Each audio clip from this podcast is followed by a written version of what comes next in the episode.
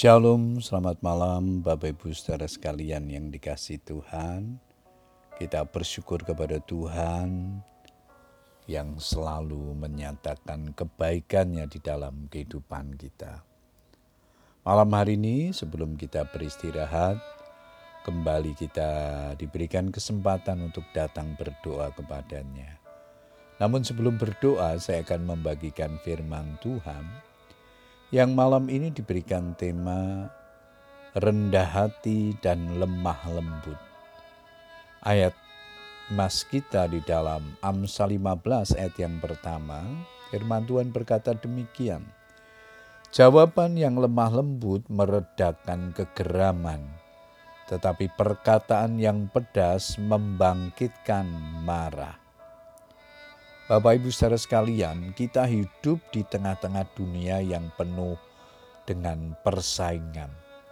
Ada yang bersaing secara sehat, tetapi tidak sedikit mereka yang bersaing secara tidak sehat dengan saling menjatuhkan satu sama lain.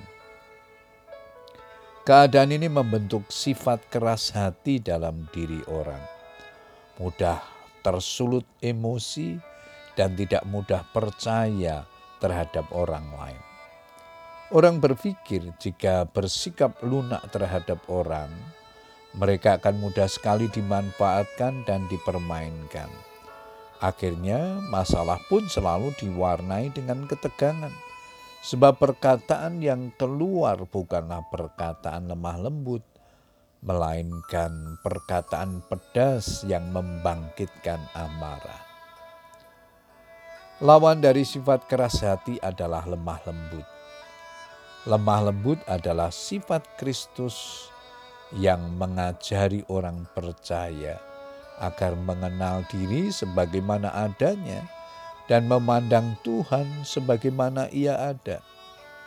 Mengenal diri adalah menyadari bahwa sesungguhnya di hadapan Tuhan kita ini lemah dan penuh keterbatasan sehingga dengan demikian kita akan menjadi orang yang rendah hati karena sadar bahwa kita bukanlah siapa-siapa. Dari dasar kerendahan hati inilah akan tumbuh sifat lemah lembut. Kalau di hadapan Tuhan orang mampu merendahkan diri, maka di hadapan sesama ia pasti tidak akan pernah menganggap diri lebih dari orang lain atau menyombongkan diri. Lukas 18 ayat yang ke-14 di sana dikatakan, Sebab barang siapa meninggikan diri, ia akan direndahkan. Dan barang siapa merendahkan diri, ia akan ditinggikan.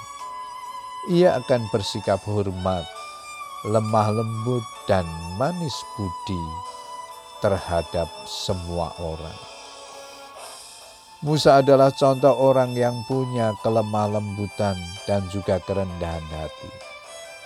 Tanpa memiliki sifat ini mustahil ia dapat memimpin bangsa Israel selama 40 tahun di padang gurun.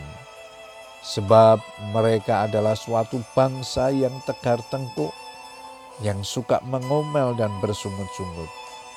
Ketika umat Israel membuat patung lembu emas untuk disembah, Musa datang kepada Tuhan dan memohon belas kasihnya agar mengampuni perbuatan keji bangsa itu.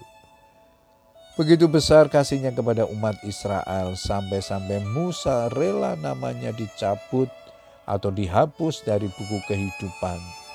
Asal saja Tuhan mau mengampuni dosa mereka. Efesus 4 ayat yang kedua di sana dikatakan hendaklah kamu selalu renah hati, lemah lembut, dan sabar. Puji Tuhan Bapak Ibu Saudara sekalian, kiranya firman Tuhan ini boleh membimbing kita supaya kita memiliki kerendahan hati dan lemah lembut dalam setiap kehidupan kita. Selamat berdoa dengan keluarga kita. Tuhan Yesus memberkati. Amin.